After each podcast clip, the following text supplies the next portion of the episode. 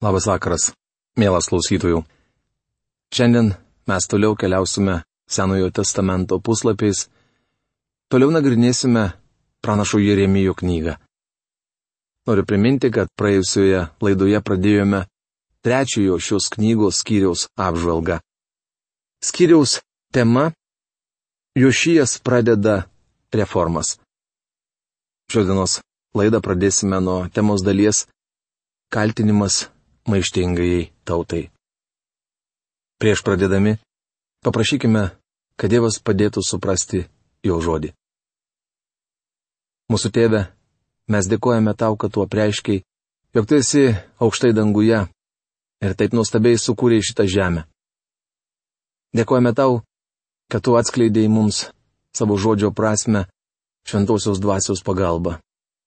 Ačiū tau, kad kiekviename tikinčiajame apgyvendinai savo dvasę, kad kiekvienas asmeniškai galėtume kreiptis į tave ir semtis išminties iš tavo išminties lobynų.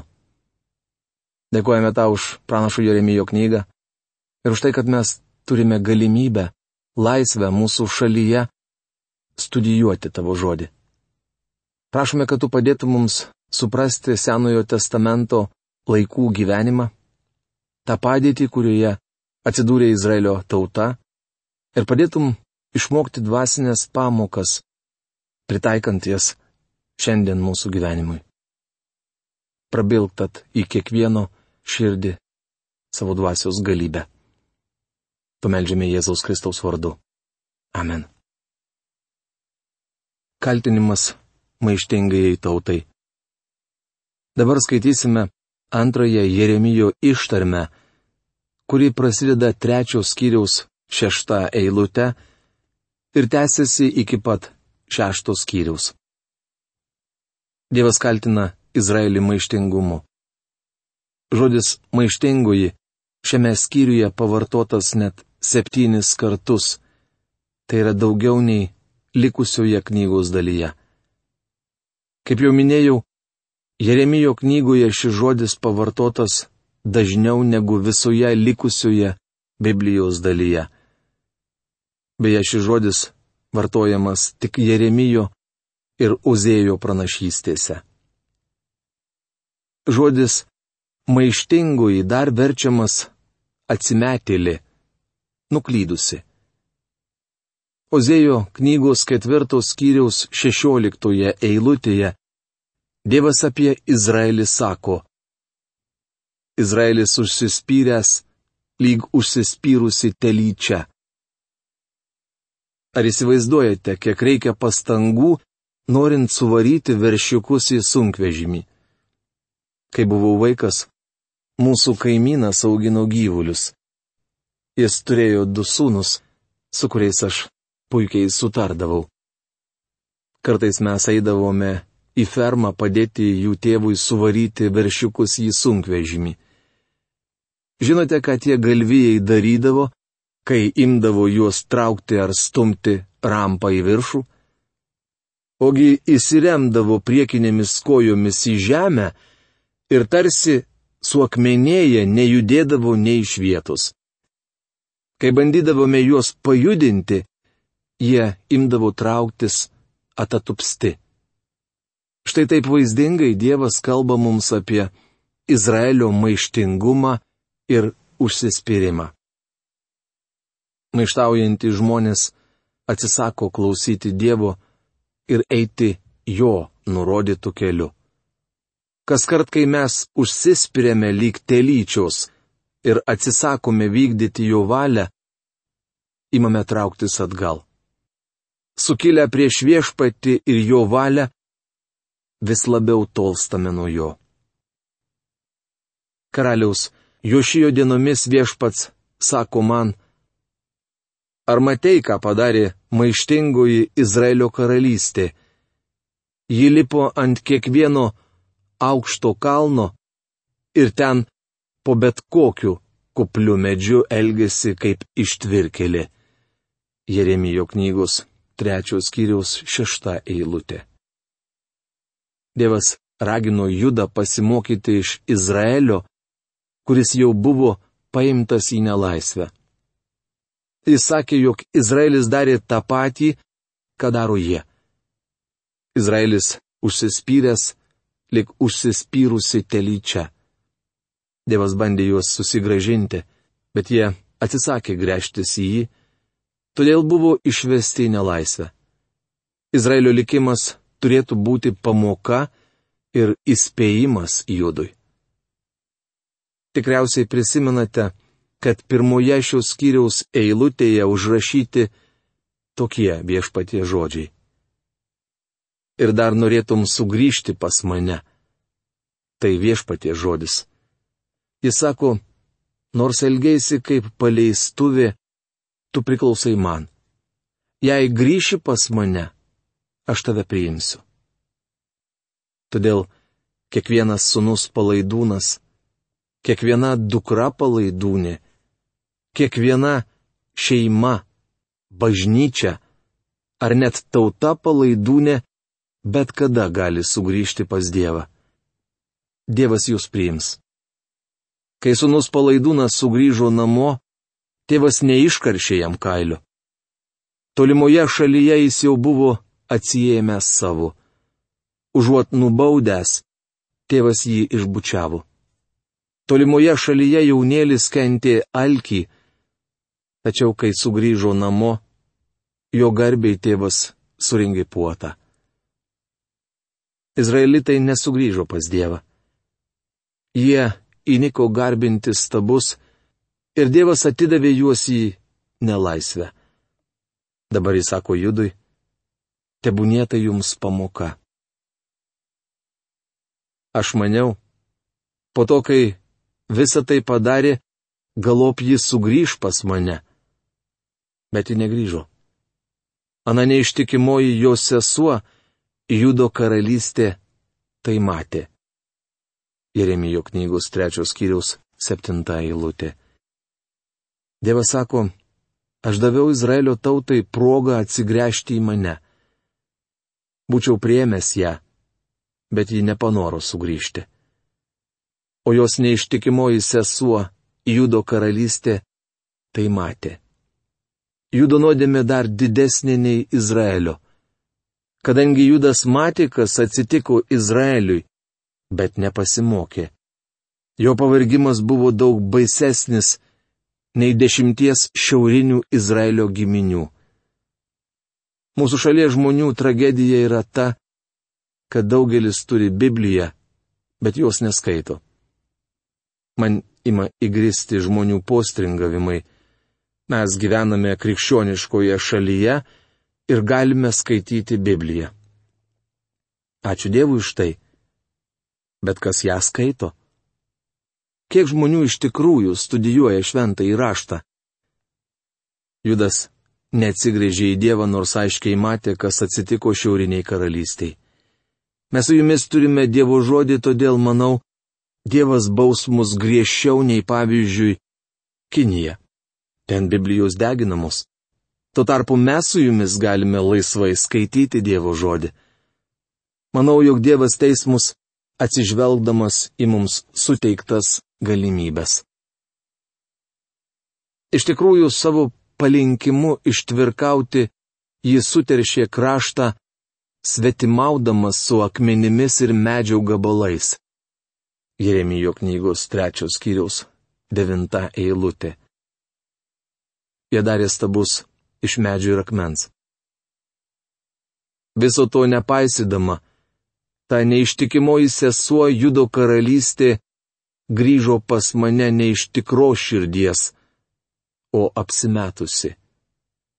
Tai viešpatie žodis. Jeremijo knygos trečios skyriaus dešimta eilutė kad karaliaus Jošijo valdymo dienomis vyko tikras prabudimas, dėl to negali kilti jokių abejonių. Daugelis žmonių atsigrėžė į Dievą. Tačiau kiti tik mėgdžiojo atsivertimą, nes norėjo būti populiarūs. Didžioji tautos dalis darė tai paviršutiniškai ir apsimetinėdama. Man rodos, šiandien žmonių susidomėjimas Dievo žodžiu auga. Viešpats išgelbsti vis daugiau nusidėjėlių. Tačiau nesuklysiu, tai neprabudimas. Nes daug kas daroma labai paviršutiniškai. Neapsigaukime girdėdami apie nepaprastai skaitlingas bažnyčias ir evangelizacinius susirinkimus, kurių metu, kaip pranešama, daugybė žmonių priima Kristų. Nubraukime vieną, du, o gal net tris nulius ir žinosime tikrą naujatikių skaičių.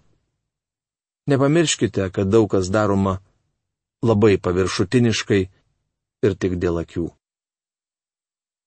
viešpats sako man, maištingoji Izraelio karalystė netokia kalta, kaip neištikimoji Judo karalystė.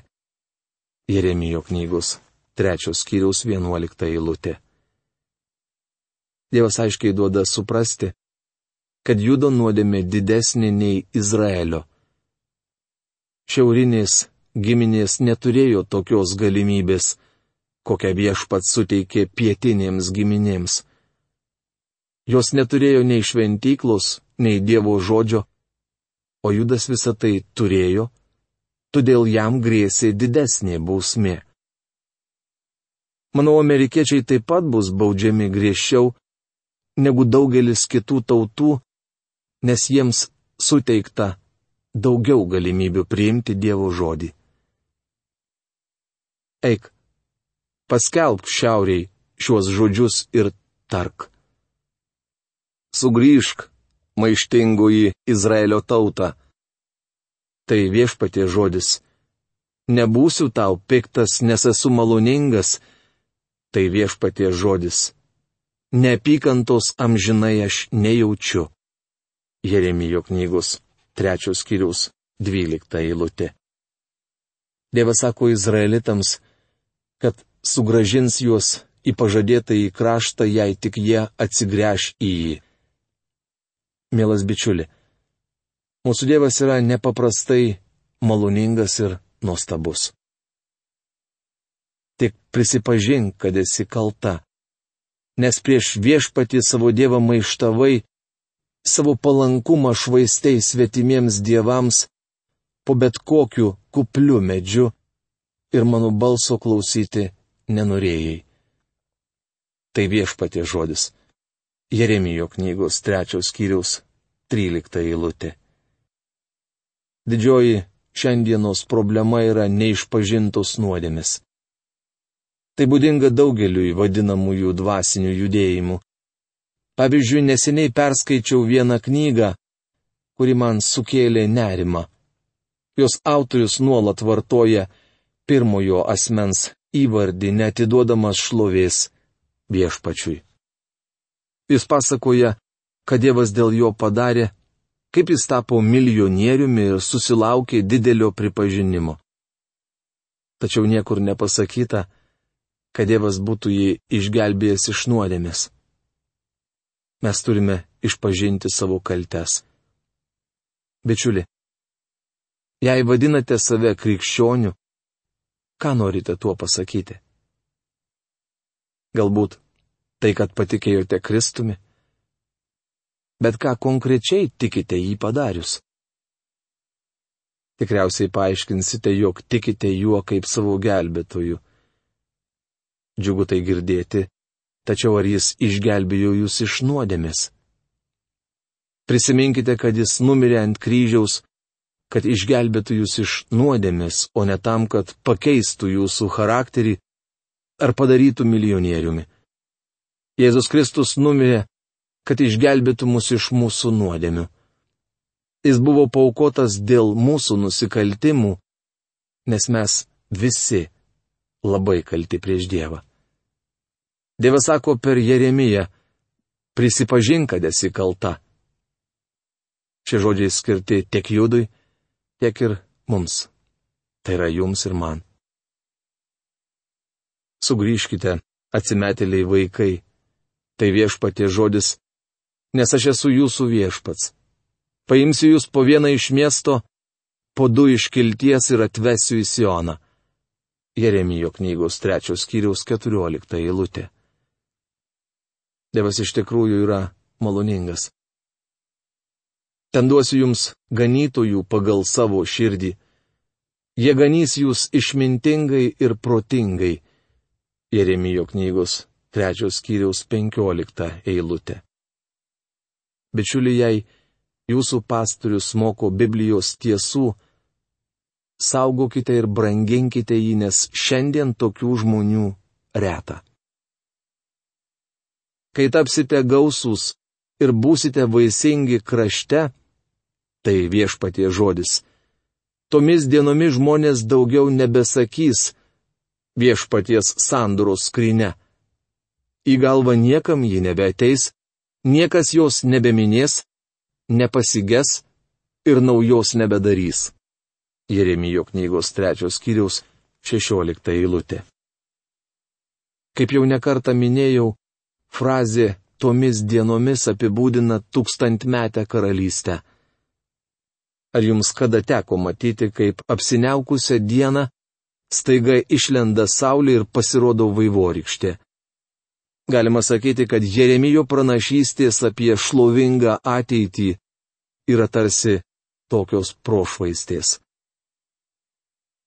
Tuo metu Jeruzalė bus vadinama viešpaties sostu. Visos tautos ten susirinks, kad pašlovintų viešpaties vardą Jeruzalėje. Savo nedurų širdžių potraukiams jos daugiau nebepasiduos. Tomis dienomis judo namai susijungs su Izraelio namais ir abiejai drauge ateis iš šiaurės šalies į kraštą, kurį jūsų tėvams daviau kaip paveldą. Jeremijo knygos trečios skyriaus 17-18 eilutės. Šią nustabę pranašystę galima palyginti su mažu perliuku. Tuomet savo maniau, kai būtų smagu įsūnyti tave kaip vaiką, duoti tau malonų kraštą, gražiausią palikimą tarp tautų. Vadintų mane mano tėvę, maniau, ir nuo manęs nenusigręžtum. Jėmijo knygos trečios skyrius, devyniolikta eilutė.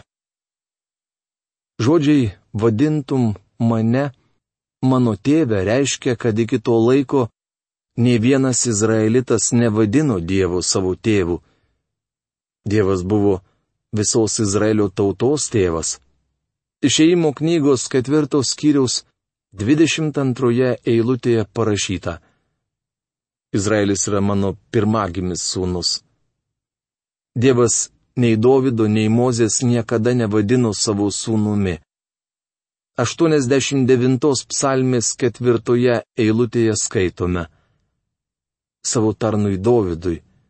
O Jozuės knygos pirmos kiriaus antroje eilutėje apie Mozę sakoma, mano tarnas Mozė. Tik šiomis malonės dienomis mums priskiriamas Dievo sūnų arba vaikų vardas. Tai didelė privilegija. Evangelijos pagal Joną pirmos kiriaus dvyliktoje eilutėje parašyta. Įsiklausykite, kiekvienas visiems, kurie jį priėmė. Jis davė galę tapti Dievo vaikais. Tiems, kurie tiki jo vardą. Norint tapti Dievo vaiku, reikia tikėti jo vardą. Norėčiau paklausti, ar jis išgelbėjo jūs iš nuodėmis? Jei taip, tuomet esate ne tik išgelbėtas nusidėjėlis, bet ir Dievo vaikas. Ar tai nenustabu? Sugryžkite, maištingiai vaikai. Aš pagydysiu jūsų atsimetimą. Mes čia. Dabar einame pas tave, nes tu esi viešpats mūsų Dievas. Jeremijo knygos trečios skyriaus 22 eilutė. Bičiuli, jei nuolat maištausite, jums ims skaudėti vieną vietą. Dievas sako, sugrįžkite pas mane ir aš jūs pagydysiu. Iš ties apgaulė kalvose, klegesys aukštumuose, tik viešpatie mūsų Dieve yra Izraelio išganimas. Jeremijo knygos trečios skyrius 23 eilutė. 121 psalmės pirmoje antroje eilutėse Davidas rašo, keliu akis į kalnus. Iš kur ateis man pagalba? Mano pagalba ateina iš viešpaties, kuris padarė dangų ir žemę. Pagalba ateina ne iš kalnų, nes išgelbėjimas yra tik viešpatyje. Mes gėdą pasiklojome ir nešlovę apsiklojome, nes viešpačiui mūsų Dievui nusidėdavome nuo pat jaunystės iki šios dienos ir mes, ir mūsų tėvai. Neklausome viešpaties mūsų Dievo balso. Jeremijo knygos trečios skyriaus 25 eilutė. Judo gyventojai neišpažino savo nuodėmių. Tai už juos ir už save padarė Jeremijas. Bičiuliai, kodėl mums neišpažinus Dievui savo nuodėmių? Šiandien daug kalbama apie ypatingas dovanas ir didžius Dievo palaiminimus. Tai nuostabu. Todėl turėtume dėkoti Dievui už tai, kad Jis mus laimina. Bet ar kada girdėjote, ką nors išpažįstant, jog mes stokojame Dievo garbės? Ar pats kada išsakėte jam, kaip jums stinga jo garbės? Mums reikia nusižeminti prieš Dievą.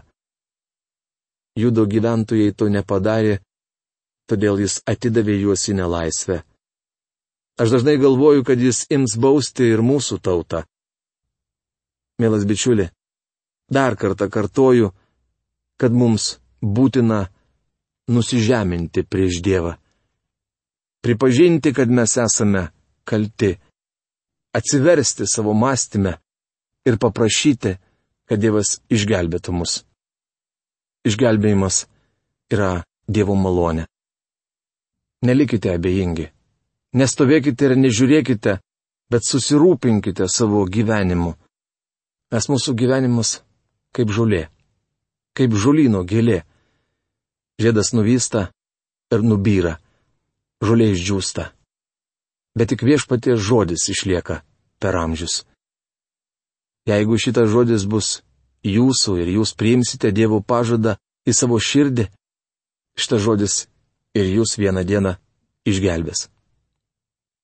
Jeigu jūs atmesite, o taip jūs taip pat galite pasirinkti elgtis, visą amžinybę gyvensite atskiri meno Dievo.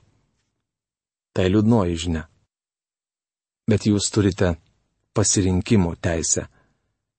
Todėl mano malda už jūs, kad nebūtumėte abejingi savo. Iki greito sustikimo. Sudė.